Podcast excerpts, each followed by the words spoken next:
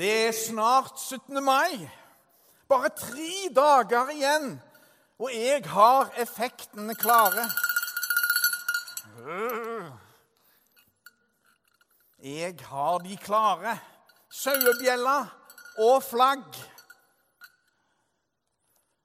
På en festgudstjeneste på nasjonaldagen spurte presten om hvorfor vi feirer 17. mai.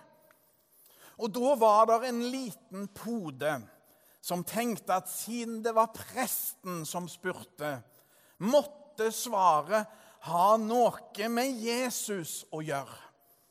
Så denne svarte. Vi feirer 17. mai fordi Fordi da var Jesus russ!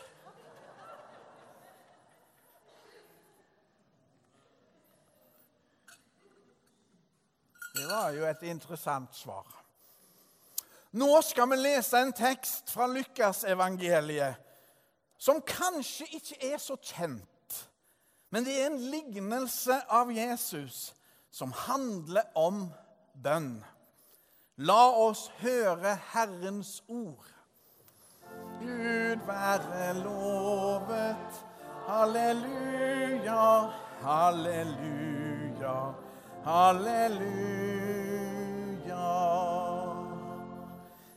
Det står skrevet i evangeliet etter Lukas. Jesus fortalte disiplene en lignelse om at de alltid skulle be og ikke miste motet. I en by var det en dommer som ikke fryktet Gud og ikke tok hensyn til noe menneske. I samme by var det en enke som stadig på ny kom til ham og sa:" Hjelp meg mot min motpart, så jeg kan få min rett. Lenge ville han ikke, men til slutt sa han til seg selv:" Enda jeg ikke frykter Gud og ikke tar hensyn til noe menneske, får jeg hjelpe denne enken til hennes rett, siden hun plager meg slik. Ellers ender det vel med at hun flyr like i synet på meg. Og Herren sa, Hør hva denne uhederlige dommeren sier. Skulle ikke da Gud hjelpe sine utvalgte til deres rett, de som roper til ham dag og natt? Er han sen til å hjelpe dem? Jeg sier dere, han skal sørge for at de får sin rett, og det snart.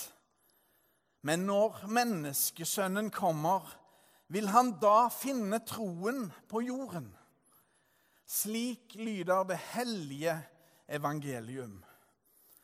Gud være lovet. Halleluja, halleluja, halleluja.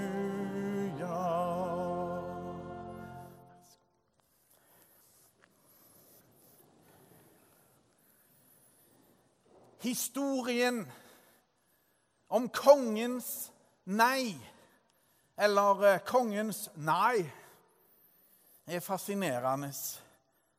I de dramatiske dagene i april 1940, da vi ble invadert av Nazi-Tyskland, da var kong Haakon den sjuende ikke til å rikke. Han kunne ikke godta betingelsene satt av tyskerne. Han kunne ikke gå med på å innsette Quisling som statsminister. Kongens nei sto fast. Han visste at han var en konge valgt av folket.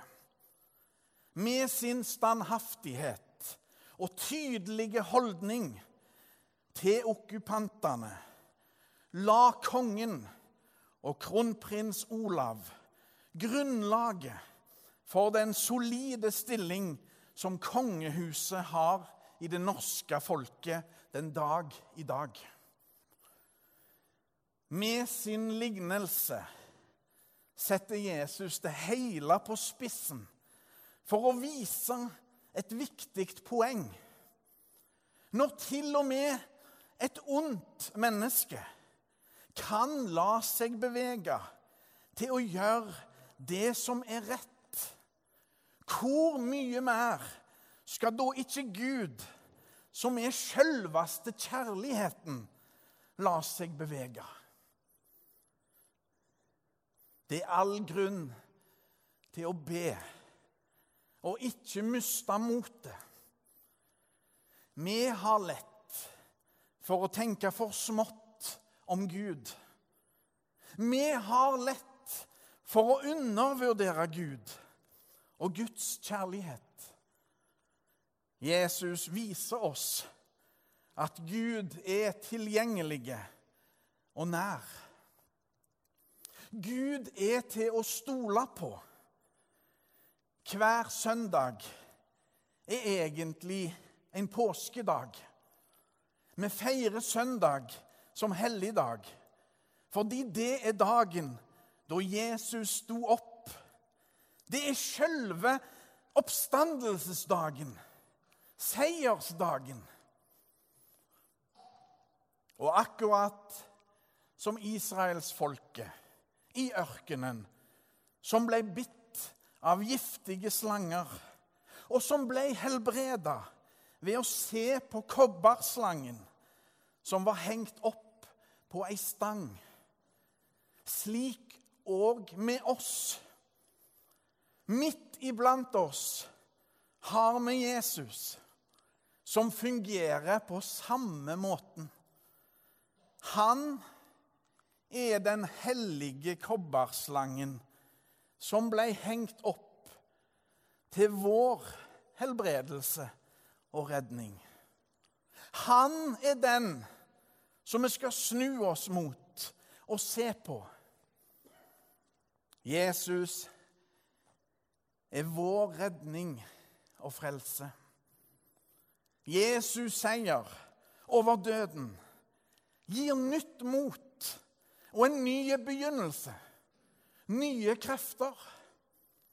Gir tilgivelse og nye sjanser. Han som er den korsfestede og oppstandende, Jesus Kristus, vår Herre, ber oss om å be og ikke miste motet.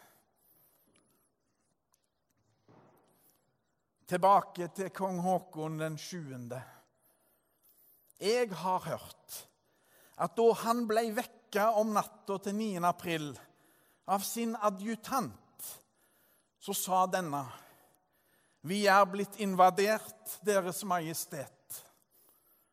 Hvorpå kongen spurte av hvem?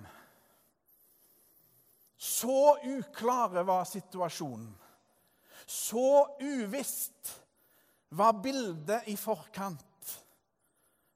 Men jeg tror at kong Haakon hadde bestått prøven uansett. Hadde beholdt seg sjøl, motet og troen uansett. I valgspråket alt for Norge skinner kjærligheten tydelig igjennom. Bønnen og troen lever i kongehuset og i folket. Gudskjelov kom heldigvis freden og friheten. Etter fem lange års kamp med enorme offer. Krig er grusomt. Uten den 8. mai 1945 kunne vi ha sett langt etter feiringen av 17. mai. Noen mener at frigjøringsdagen er like viktig som nasjonaldagen. De har et godt poeng. Gud glemmer oss aldri. Han hører det minste sukk fra oss, vår svakeste bønn. Jesus Kristus har vist oss Gud. I Jesus har vi et navn å rope på og å håpe på. Jesus gir oss framtid og håp. Ære være Faderen og Sønnen og Den hellige ånd, som var, er og blir en sann Gud fra evighet og til evighet. Amen.